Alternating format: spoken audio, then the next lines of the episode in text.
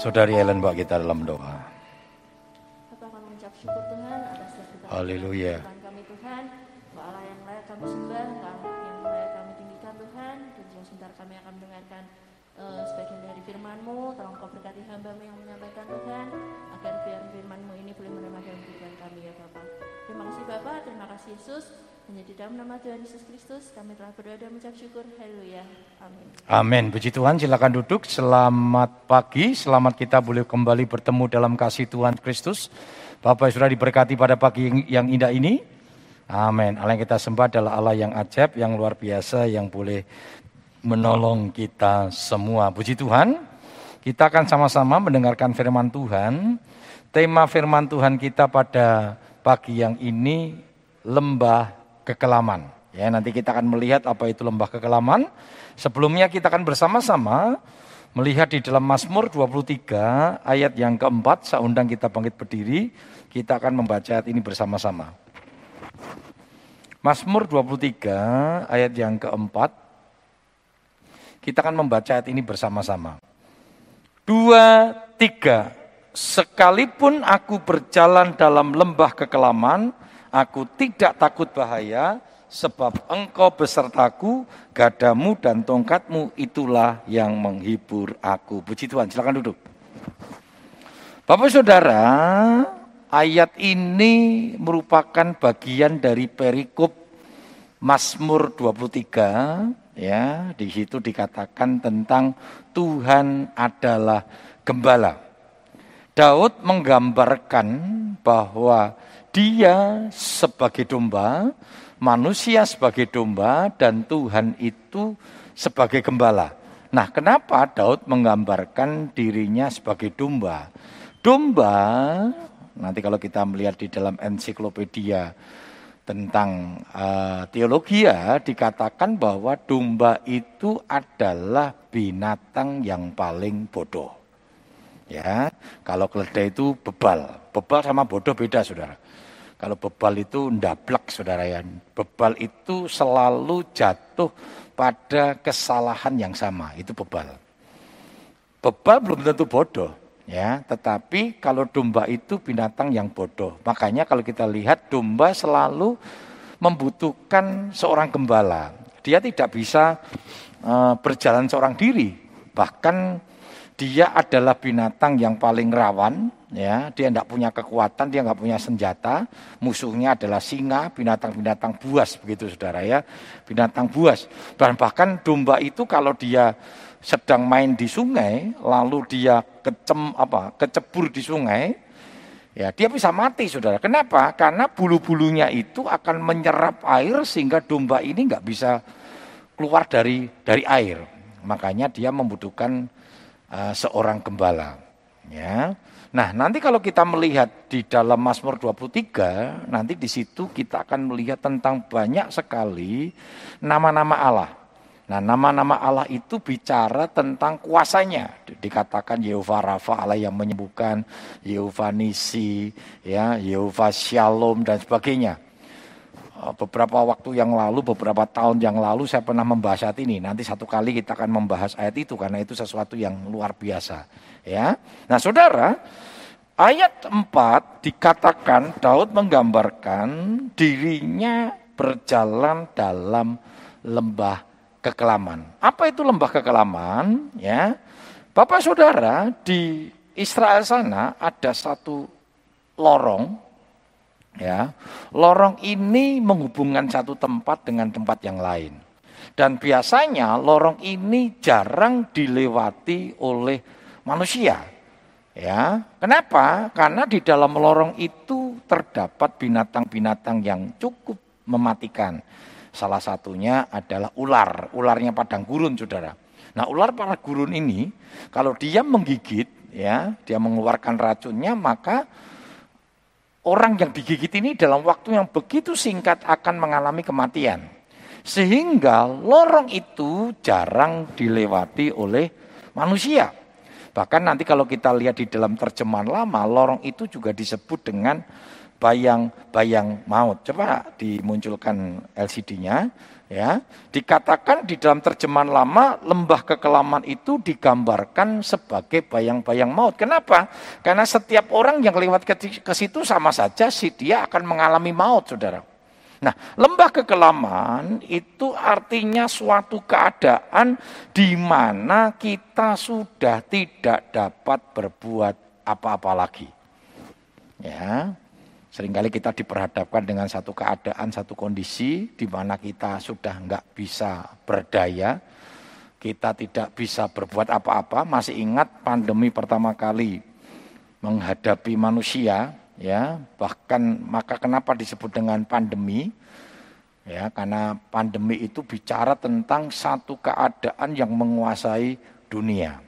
Nanti kalau di dalam Alkitab disebut dengan sampar, saudara ya. Sampar itu satu penyakit yang bersifat pandemi. Ya, cuma nanti kita lihat ini dunia sudah membawa kita kepada endemi, saudara. Indonesia sudah mulai tidak lagi mengadakan isolasi mandiri bagi pendatang-pendatang dari luar. Bahkan kereta api sudah tidak lagi berjarak tempat duduknya ya lalu eh, alat-alat transportasi tidak harus dengan antigen atau PCR artinya apa? Ketika kita sudah masuk kepada endemi dianggap bahwa COVID itu seperti flu, flu biasa saudara ya. Lalu kita yang diminta untuk menangani sendiri. Kita harus menjaga sendiri ya melakukan prokes sendiri saudara. Itu yang dimaksud dengan endemi. Nah kita masih ingat ketika awal-awal pandemi masuk saudara ya, waduh betul-betul manusia dibuat tidak berdaya. Ya, kita masih ingat bagaimana para pemimpin-pemimpin dunia yang akhirnya mereka seperti mengangkat tangan di hadapan Tuhan, tanda menyerah, tanda tidak mampu. Kita masih ingat di YouTube senator-senator Amerika ya minta ampun sama Tuhan, ya karena selama ini mereka menghadapi uh, sering kali membuat kesalahan-kesalahan, membuat aturan-aturan yang bertentangan dengan kebenaran firman Tuhan. Ya, pandemi itu membuat banyak orang tidak berdaya. Banyak sekali perusahaan-perusahaan yang gulung tikar karena menghadapi ini. Nah saudara sering kali Tuhan izinkan, kenapa? Karena ada satu hal yang Tuhan ingin kerjakan dalam setiap kehidupan kita. Mari kita lihat bersama-sama sikap orang percaya ketika kita berada dalam lembah kekelaman. Seringkali Tuhan izinkan kita berada dalam lembah kekelaman, saudara. Kenapa? Yang pertama, supaya kita belajar berdiam diri. Berapa banyak ketika kondisi aman, ya kita lihat saudara, ketika kondisi aman orang melupakan Tuhan ya berbuat seenaknya sendiri, ya rasa-rasanya kita nggak perlu Tuhan. Tetapi dengan kita berada dalam lembah, lembah kekelaman, kita belajar berdiam diri. Kenapa berdiam diri? Karena nggak ada sesuatu yang bisa kita kerjakan. Nggak ada sesuatu yang bisa kita lakukan. Tuhan paksa kita dalam kondisi seperti itu. Coba kita lihat sama-sama dalam Mazmur 37 ayat 5 hingga yang ke-7. Mazmur 37 ayat 5 sampai dengan yang ketujuh. Serahkanlah hidupmu kepada Tuhan dan percayalah kepadanya dan ia akan bertindak. Ia akan memunculkan kebenaranmu seperti terang dan hakmu seperti siang. Berdiam dirilah di hadapan Tuhan dan nantikanlah dia. Jangan mudah, jangan marah karena orang yang berhasil dalam hidupnya yang berhasil dalam hidupnya karena orang yang melakukan tipu daya. Iya. Firman Tuhan ingatkan kepada kita ketika kita menghadapi satu keadaan dalam lembah kekelaman. Kita harus belajar untuk berdiam diri. Menyerahkan kepada Tuhan dan mempercayakan setiap persoalan hidup kita kepada Tuhan. Kenapa? Karena sudah tidak ada lagi yang dapat kita percayakan. Kepada siapa lagi kita bisa lari? Firman Tuhan katakan hanya aku bisa lari kepada Tuhan. Nah sering kali Tuhan paksa kita berada dalam lembah kekelaman supaya kita sadar bahwa kita ini memerlukan Tuhan. Ketika kita mengandalkan manusia tidak bisa lagi. Ketika kita mengandalkan kekuatan-kekuatan manusia tidak bisa lagi. Berapa banyak sering kali kita baru nanti lari kepada Tuhan ketika kita diizinkan Tuhan berada dalam lembah kekelaman. Saya tidak tahu bahwa saudara hari-hari ini sedang berada dalam lembah kekelaman. Kalau Tuhan izinkan itu terjadi, ya, Kita cek dan dicek, saudara. Itu yang selalu saya katakan ya. Kita cek dan dicek. Apakah lembah kekelaman itu terjadi karena memang Tuhan izinkan? Atau lembah kekelaman terjadi karena kesalahan kita? Kita Petrus katakan kalau engkau dipukul, disiksa karena engkau mencuri, itu kesalahan kamu. Tapi jikalau engkau menderita karena nama Tuhan, itu namanya pikul salib dan firman Tuhan katakan itu kasih karunia. Saya ada seorang teman yang masuk penjara, saudara. Karena nipu nipu orang. Ya, jadi nipu keuangan, saudara. Istilahnya ngambil uang, ngemplang uang. Akhirnya dia ditangkap, saudara. Ini kan ramai, saudara ya, di aplikasi Bino, apa, Binovo ya binomo. Wah, hati-hati saudara ya. Kadang orang pingin kaya ini ternyata akhirnya masuk penjara semua ya. Permainan-permainan saya sebenarnya tidak sangat nggak tahu nih dari apa namanya uh, apa penyiaran ini saudara ya. Kenapa kok nggak nggak pernah ini? Wah menunjukkan kekayaan ini sementara di Indonesia ini banyak yang kurang gitu ya. Rasanya duit, wah sombong sekali sudah waktu itu. Wah ini Rolex harganya ratusan juta, murah sekali katanya. Wah ya ampun, ampun. Sekarang suruh bilang murah sekali itu saudara ya. Kemarin waktu ditangkap, tolong mohon doanya, saya mohon maaf, mohon doanya supaya hukuman saya enggak enggak panjang katanya. Wah enak aja saudara, ngemplang duitnya banyak orang. Nah saya punya teman juga sama saudara. Waktu ditengok di penjara, dia ngomong begini saudara, dengan masih sombongnya. Saya seperti Ayub, sedang pikul salib. Dan saya tahu Tuhan akan membuat rencana yang indah nanti. Saya bilang, oh, saya bilang kau bukannya bertobat. Pikul salib apa? Wong kamu dipenjara karena ngemplang nyuri orang, nyuri uang itu karena dosamu, kamu bertobat. Nah hati-hati saudara. Jadi lembah kekelaman itu kita harus cek dulu. Terjadi karena memang kesalahan kita, kita minta ampun. Bertobat Tuhan pulihkan. Tapi kalau itu terjadi karena Tuhan izinkan, kita udah cek recheck bener, aku nggak salah. Tapi kenapa kok Tuhan izinkan kita ada dalam lembah kekelaman seperti Ayub, seperti Yusuf? Nah kita belajar sudah. Kenapa?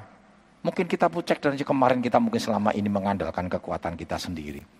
Tetapi Tuhan izinkan kita berada dalam lembah maut supaya kita mulai percaya kepada Tuhan dan berserah kepada Tuhan. Saudara berdiam diri untuk menenangkan diri sehingga tidak dibayangi ketakutan. Markus 6 ayat yang ke-50. Markus 6 ayat yang ke-50. Sebab mereka semua melihat dia dan mereka pun sangat terkejut. Tetapi segera ia berkata kepada mereka, Tenanglah, aku ini, jangan takut. Nah, saudara, ketakutan, ya ketidaktenangan itu sering kali membuat kita takut. Firman Tuhan katakan Tuhan tidak pernah memberikan kita roh yang mendatangkan ketakutan. Tapi kasih kekuatan dan ketertiban. Karena itu kita berdiam diri supaya kita bisa tenang. Dengan tenang kita bisa melihat kekuatan Tuhan. Dengan tenang kita bisa melihat bahwa Tuhan itu dahsyat. Seperti Daud. Dia tidak takut, kenapa? Dia dipelihara oleh kekuatan Tuhan. Sebelum memasuki tahun 2022, Bapak Saudara masih ingat, saya katakan ya, bahwa kita akan menghadapi satu keadaan bahwa dunia tidak akan semakin baik. Dunia tidak akan semakin baik. Jadi jangan pernah punya pengharapan dunia akan semakin baik. Mungkin kita tenang hari ini, delta sudah kita lewatin. Tapi jangan lupa delta masih ada saudara ya. Muncul omikron, ah tenang. Omikron ini memang cepat saudara ya. Cepat menular tapi tidak parah. Makanya asal wahing-wahing dikit dicek Omikron. Eh tapi jangan lupa saudara, Omikronnya mutan lagi. Namanya siluman. Nah, saudara bayangin saudara. Aduh, iki kok yo covid iki kok mutan, wai. Kan dikatakan ya, ada muncul varian baru namanya siluman omikron. Nah, omikron aja kita ndelok raiso, apalagi si siluman. Dunia tidak akan semakin baik, masih ingat? Tapi jangan takut. Dunia sedang dibawa pada kegelapan, tetapi gereja Tuhan akan melihat terang yang besar. Memang itulah fakta, itulah realita bahwa gereja sedang di, uh, dunia sedang dibawa pada titik kehancuran, tetapi anak-anak Tuhan gereja dibawa pada kesempurnaan. Karena itu sekarang kita harus mengambil pilihan. Sudah mau mengambil pilihan yang mana? Lebih memilih untuk hidup dalam dunia yang terus akan dibawa kepada kegelapan dan dunia akan terus dikuasai dengan roh-roh ketakutan. Pandemi belum berakhir, perang saudara. Ini Amerika dan NATO sedang menahan diri. Kenapa? Kalau sampai tidak menahan diri terjadi perang dunia ketiga. Ini perang Rusia dan Ukra Ukraina aja bikin ekonomi kita berantakan. Minyak dunia luar biasa. Saya ngalami sudah minyak yang tidak bersubsidi. Saya pakai Pertamina Dex saudara. Dari 10.200 naik menjadi 13 ribu. Eh, 12 ribu 200. Belum ada sebulan naik menjadi 13 ribu saudara. Saya kira wis nganggo deklet wae. Dekletnya aja sudah 12 ribu saudara. Dan ini tidak menunjukkan tanda-tanda baik dan minyak dunia akan semakin meningkat terus, akan terjadi kenaikan-kenaikan, solar beberapa tempat menjadi langka minyak goreng. Angel, betul nggak saudara ya? Di mana-mana beli sulit. Setiap kali saya pergi ke Alfa tak kelilingi, habis Pak, Superindo, habis Pak, Bapak telat. Oh, sing borong jemaat Siloam iki. Gembalanya dilupakan saudara ya.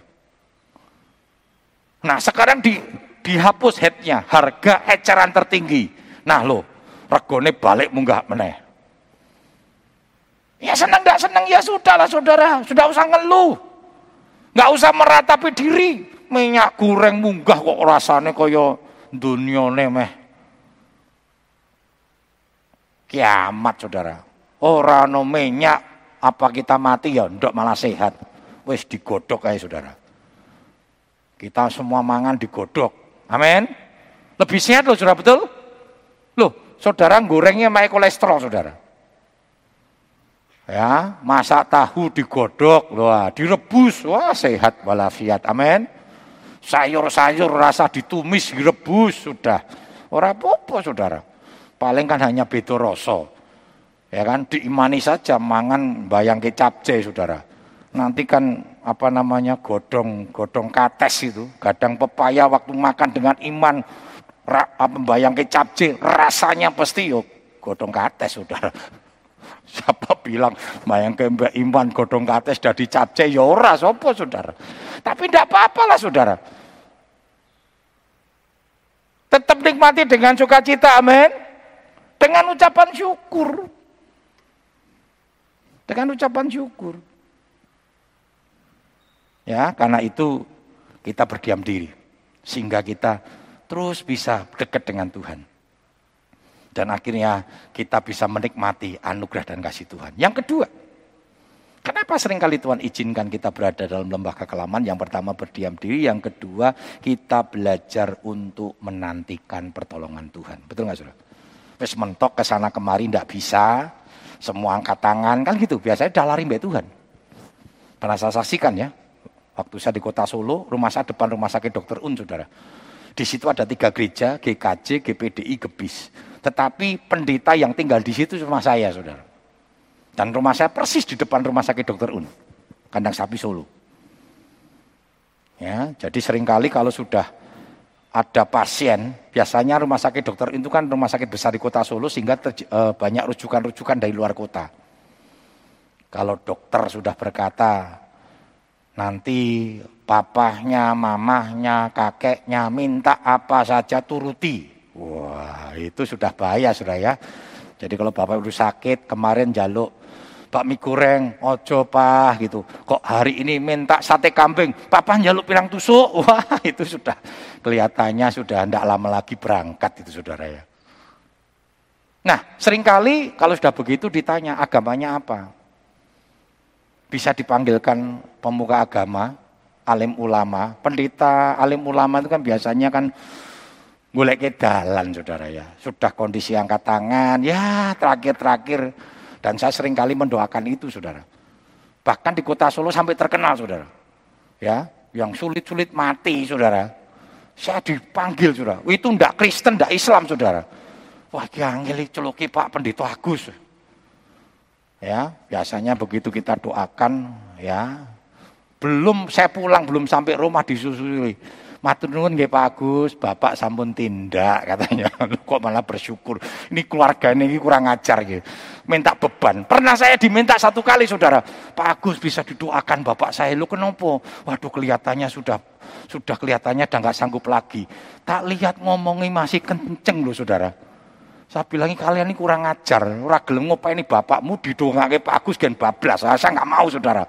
Enak aja seperti saya malaikat pencabut nyawa bu piye? Nah saudara kita lihat. Kita belajar untuk menanti-nantikan pertolongan Tuhan. Mazmur 130 ayat 5 sampai 8. Mazmur 130 ayat 5 sampai 8. Aku menanti-nantikan Tuhan, jiwaku menanti-nanti, dan aku mengharap firman-Nya. Jiwaku mengharapkan Tuhan lebih daripada pengawal mengharapkan pagi, lebih daripada pengawal mengharapkan pagi. Berharaplah kepada Tuhan, hai Israel, sebab pada Tuhan ada kasih setia, dan ia banyak kali mengadakan pembebasan. Dialah yang akan membebaskan Israel dari segala kesalahannya. Perhatikan saudara, aku menanti-nantikan Tuhan, jiwaku menanti-nantikan Tuhan. Menanti-nantikan Tuhan itu lebih baik. Karena solusi yang Tuhan berikan itu selalu indah. Karena itu sabar. Sabar untuk menanti-nantikan pertolongan Tuhan. Memang pertolongan Tuhan sering kali lambat datang, tetapi pertolongan Tuhan tidak pernah terlambat datang. Berapa banyak sering kali kita nggak sabar, akhirnya kita gerusa-gerusu, kita ngambil si langkah sendiri, dan akhirnya langkah ini menjadi salah. Masih ingat ketika Tuhan berbicara kepada Abraham, bahwa Abraham akan menjadi bangsa yang besar. Keturunannya seperti bintang di langit, pasir di laut. Kita tahu saudara, secara fakta, secara realita, secara medis, Sarah itu nggak bisa punya anak karena Sarah mandul. Tapi ketika Tuhan berkata dia akan punya anak, pasti punya anak. Amin. Amin. Dora percaya. Amin. Di Alkitab banyak saudara ya, kasus-kasus seperti itu. Dan jangan takut, saya punya om, masih ingat saudara ya, saya saksikan dua minggu yang lalu kalau nggak salah. Secara medis sudah nggak bisa. Eh usia dia sudah usia rawan punya anak saudara. Mujizat terjadi. Jadi jangan takut saudara, jangan mengklaim. Secara medis oke, okay, mungkin Orang katakan medis katakan tidak bisa, tapi bagi Tuhan tidak ada yang mustahil. Amin. Nah Sarah ini saudara, ya secara manusia nggak bisa disalahkan. Karena dia ngitung-hitungan sudah, aku nggak mungkin punya anak nih. Lalu Sarah kasih Hagar. Yo Abraham Dewi ki orang inget ke saudara, yo aku dikei lu, bisa dikasih lu. Wah saudara. Kenapa saudara? Secara hukum, Hagar adalah budak dari Sarah. Budak zaman dahulu itu seperti binatang, seperti barang. Contohnya, saya beli anjing birdi. Nah, kalau birdi punya anak, itu tidak dikembalikan sama yang punya dulu, saudara. Anak birdi jadi anak saya, hak saya mau tak jual, mau tak apakan, terserah. Budak itu seperti itu, saudara. Makanya ketika Sarah berikan Hagar, anaknya Hagar secara hukum akan menjadi anaknya Sarah secara sah. Ya, jadi Ismail itu anak sahnya Hagar secara hukum. Karena dilahirkan dari budaknya. Ya, makanya kalau kita bicara Yakub, Yakub itu istrinya empat. Ada Bilha, ada Silva, itu kan budak-budak semua. Nah, tetapi itu anak-anaknya menjadi secara hukum menjadi anaknya anaknya Yakub, tidak dikatakan anaknya budak ini tidak, Saudara. Tetapi Tuhan tidak. Janji Tuhan itu adalah anak dari Abraham dan Sarah. Tidak sabar, Saudara. Nah, gara-gara ketidaksabaran itu kan ber, bermasalah sampai hari ini kan. Loh, saudara kalau kelihat masalah-masalahnya itu kan terjadi dunia itu kan karena hari ini terjadi teroris dan sebagainya itu kan persoalan antara Ismail dan Iskak. Karena nggak sabar. Tetapi kita lihat ya, janji Tuhan ya dan amin. Dan akhirnya Sarah juga melahirkan dalam kondisi yang tidak mungkin. Tetapi bagi Allah tidak ada yang mustahil. Memang menanti-nantikan pertolongan Tuhan itu nggak gampang. Seringkali kita nggak sabar, saudara. Seringkali kita menjadi lemah dan lelah. Itu yang pertanyaannya, saudara. Coba kita lihat dalam Yesaya. Orang yang menantikan Tuhan akan mendapatkan kekuatan baru. Yesaya 40 ayat 29 hingga 31. Yesaya 40 ayat 29 sampai dengan 31. Dia memberi kekuatan kepada yang lelah dan menambah semangat kepada yang tiada berdaya. Orang-orang muda menjadi lelah dan lesu dan teruna-teruna jatuh tersandung. Tetapi orang-orang yang menanti-nantikan Tuhan mendapat kekuatan baru. Mereka seumpama Raja Wali yang naik terbang dengan kekuatan sayapnya. Mereka berlari dan tidak menjadi lesu. Mereka berjalan dan tidak menjadi lelah. Berarti kan sudah digambarkan ada teruna, anak muda, lelah, capek menghadapi hari-hari ini, menghadapi kondisi situasi hari-hari ini yang melelahkan. Kita seperti ada dalam bayang-bayang maut, lembah-lembah kekelaman. Tetapi firman Tuhan katakan orang yang menantikan Tuhan akan mendapatkan kekuatan baru. Kenapa? Orang yang menantikan Tuhan itu berarti dia percaya kepada Tuhan. Hanya orang-orang yang percaya kepada Tuhan dia akan mendapatkan kekuatan yang datangnya dari Tuhan dan jangan lupa saudara. Kita ini dipelihara oleh Tuhan, diproteksi oleh Tuhan dengan kekuatan Tuhan yang tidak terbatas. Dengan kedahsyatan Tuhan yang tidak terbatas.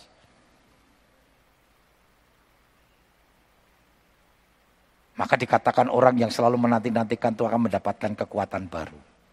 Kenapa? Karena dia punya pengharapan di dalam Tuhan. Karena itu saudara mari kita belajar untuk terus menantikan Tuhan. Jangan cari jalan lain. Ada jalan menuju Roma. Betul saudara. Ada jalan menuju Solo. Enggak cuma lewat Ampel, Boyolali. Saudara bisa lewat Gemolong saudara. Suruh Gemolong, Kalioso, Solo. Saudara bisa lewat Magelang dulu, Nyokjo, Klaten, Solo, silakan. Itu naik saudara mau piknik ya. Jadi mau ke Solo tekane bisa sore saudara.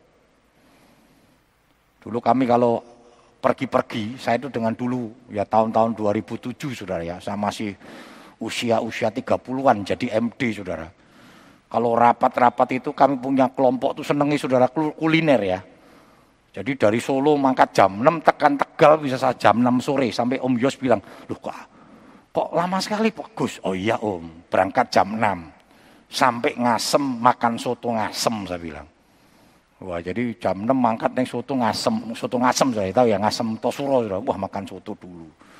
Nanti lewat Solo Tigo Banaran, mandek meneh, ya ngopi-ngopi. Nanti sampai Peleri ada suike enak saudara. Oh, sampai orang bingung. Gus, Gus, kok iso ngerti nek soal kuliner jangan ditanya lah saudara. Ya sering kali kalau sudah sampai tempat saya tanya sama orang situ, Pak, ada enggak kuliner yang khusus yang orang sering kali nggak ngerti? Wah, di leri sudah, arah mau ke pelabuhan, itu ada suke enak sudah, kepiting enak dan sebagainya. Ya, nanti lewat Pemalangan sate kebu. Wah, saudara belum pernah tahu sate kebu, saudara. Makanya kalau ikut pelayanan sama saya pasti mampir-mampir, saudara. Makanya Om Yos, oh, makanya jam 6 berangkat, Jam 6 sore baru sampai. Wah saudara, ya terserah tuh. Mau muter-muter saudara. Di dunia banyak jalan, tetapi solusi di dalam persoalan kita hanya cuma satu, yaitu di dalam Yesus Kristus. Amin. Karena itu jangan cari solusi di luar Yesus. Tidak akan mendatangkan solusi yang penuh dengan damai sejahtera, sukacita. Itu yang paling penting. Seringkali kita salah ya dalam mencari solusi. Pikir oh banyak alternatif-alternatif lain. Hati-hati dengan alternatif. Saya punya jemaat di kota Solo dulu sakit saudara dia punya satu penyakit, waduh sering berubat-berubat. Pokoknya dikasih tahu, oh datang, oh datang. Saya sering kali ingatkan. Satu kali dia datang, saudara. Om, saya dikasih tahu om. Ada pengobatan alternatif. Saya sudah mengernyitkan wajah dia. Om nanti dulu om. Jangan marah dulu om katanya. Ini pengobatan alternatif sesuai firman Tuhan. Lo maksudmu apa? Sesuai firman Tuhan. Kristen om, lo tuh ngerti Kristen? Wong di belakangnya itu layarnya gambar salib kok, gambar Tuhan Yesus. Kuwi pas Kristen, ya, sing salib Tuhan Yesus dimunculkan.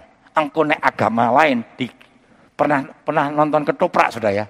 Ketoprak tuh layarnya kan ditarik ini sudah ya, tarik ganti layar. Nanti adegan apa tarik meneh ganti layar sudah. Ya saya bilang gue emang dihapus itu. Loh om jangan gitu om.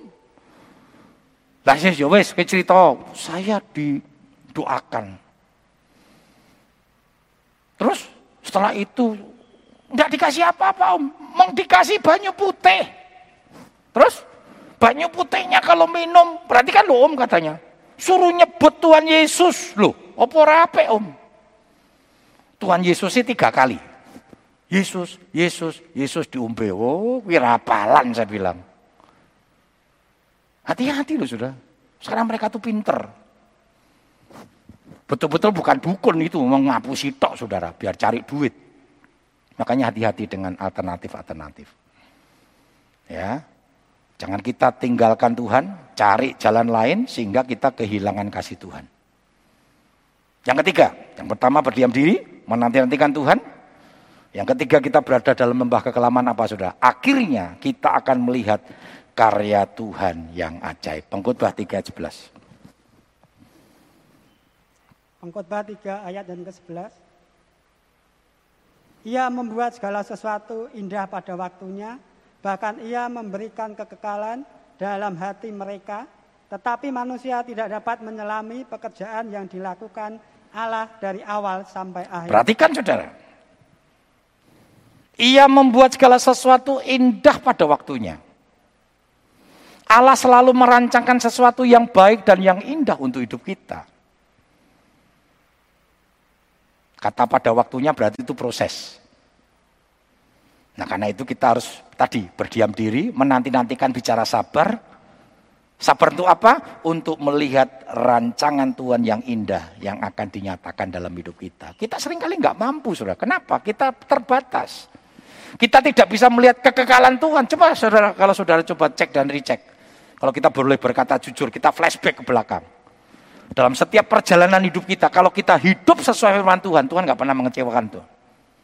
Tuhan selalu membawa kita kepada satu rancangan yang terindah. Tetapi kalau sering kali kita mengalami kegagalan, coba saudara jujur. Itu karena saudara nggak sabar, saudara sering kali ngambil langkahnya sendiri, cari jalan sendiri. Tapi kalau kita mau belajar menikmati rancangan Tuhan, oh indah saudara.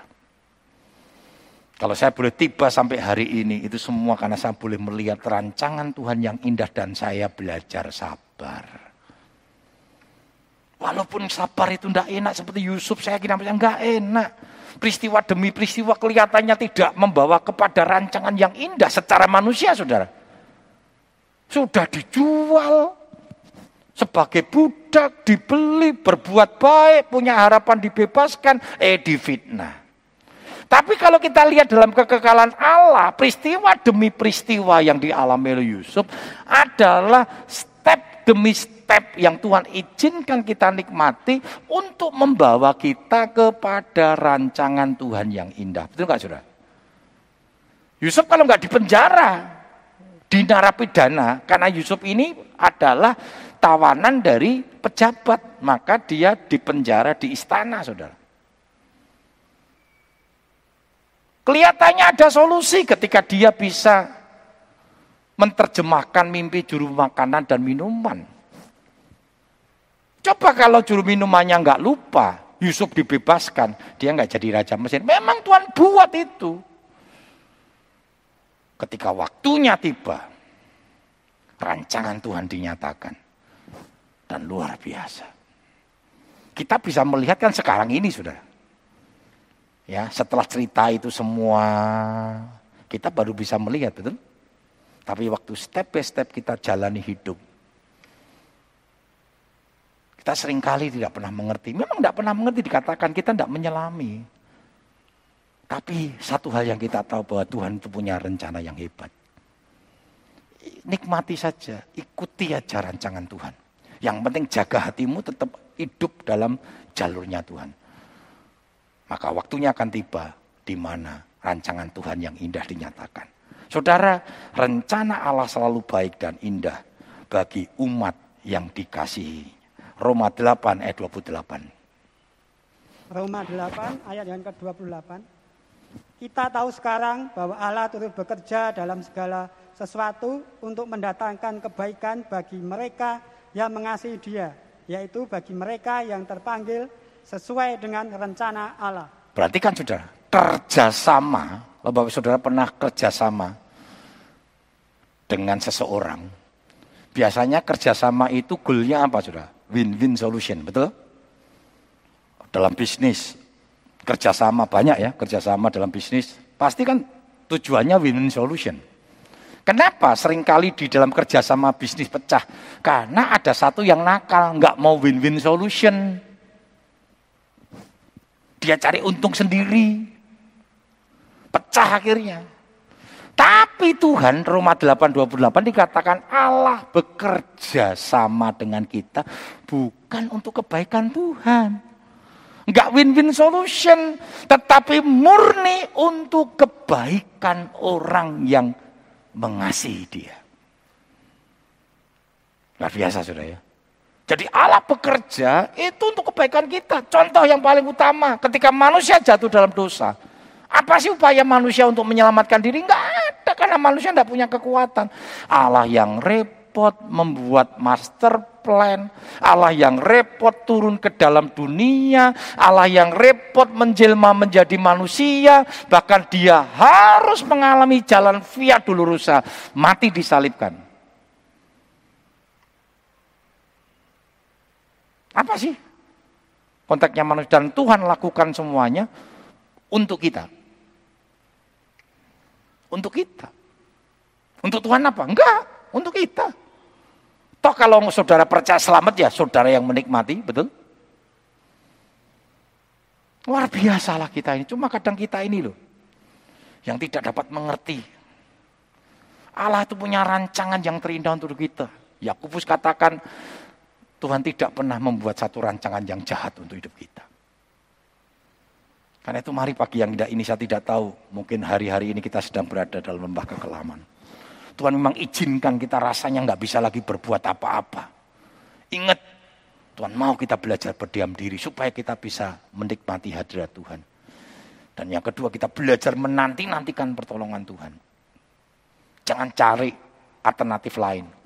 Jangan cari solusi lain. Nanti-nantikan pertolongan Tuhan. Karena pertolongan Tuhan itu ya dan amin. Dan indah. Kenapa?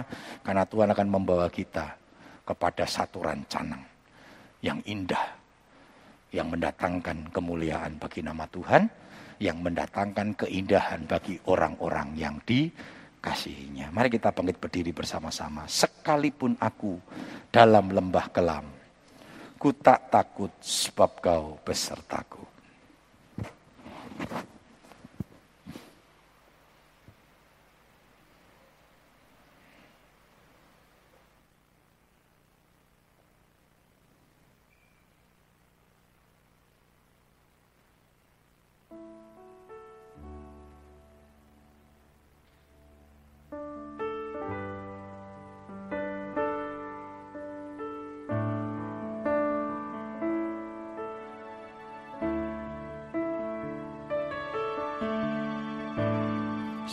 Sekalipun aku dalam lembah gelap, ku tak takut sebab kau besertaku.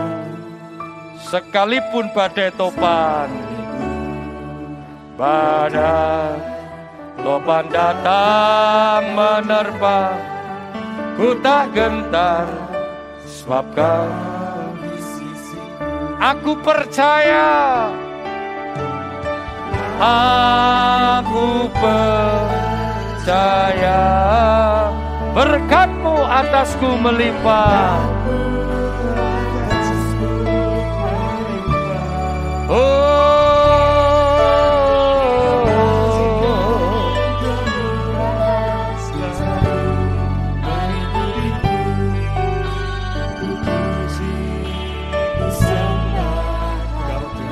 aku percaya.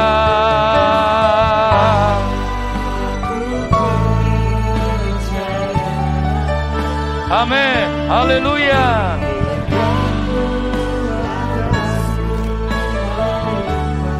Haleluya.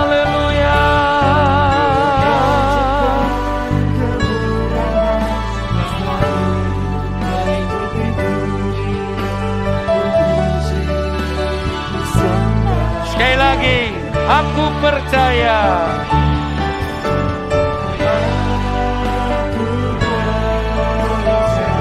Haleluya.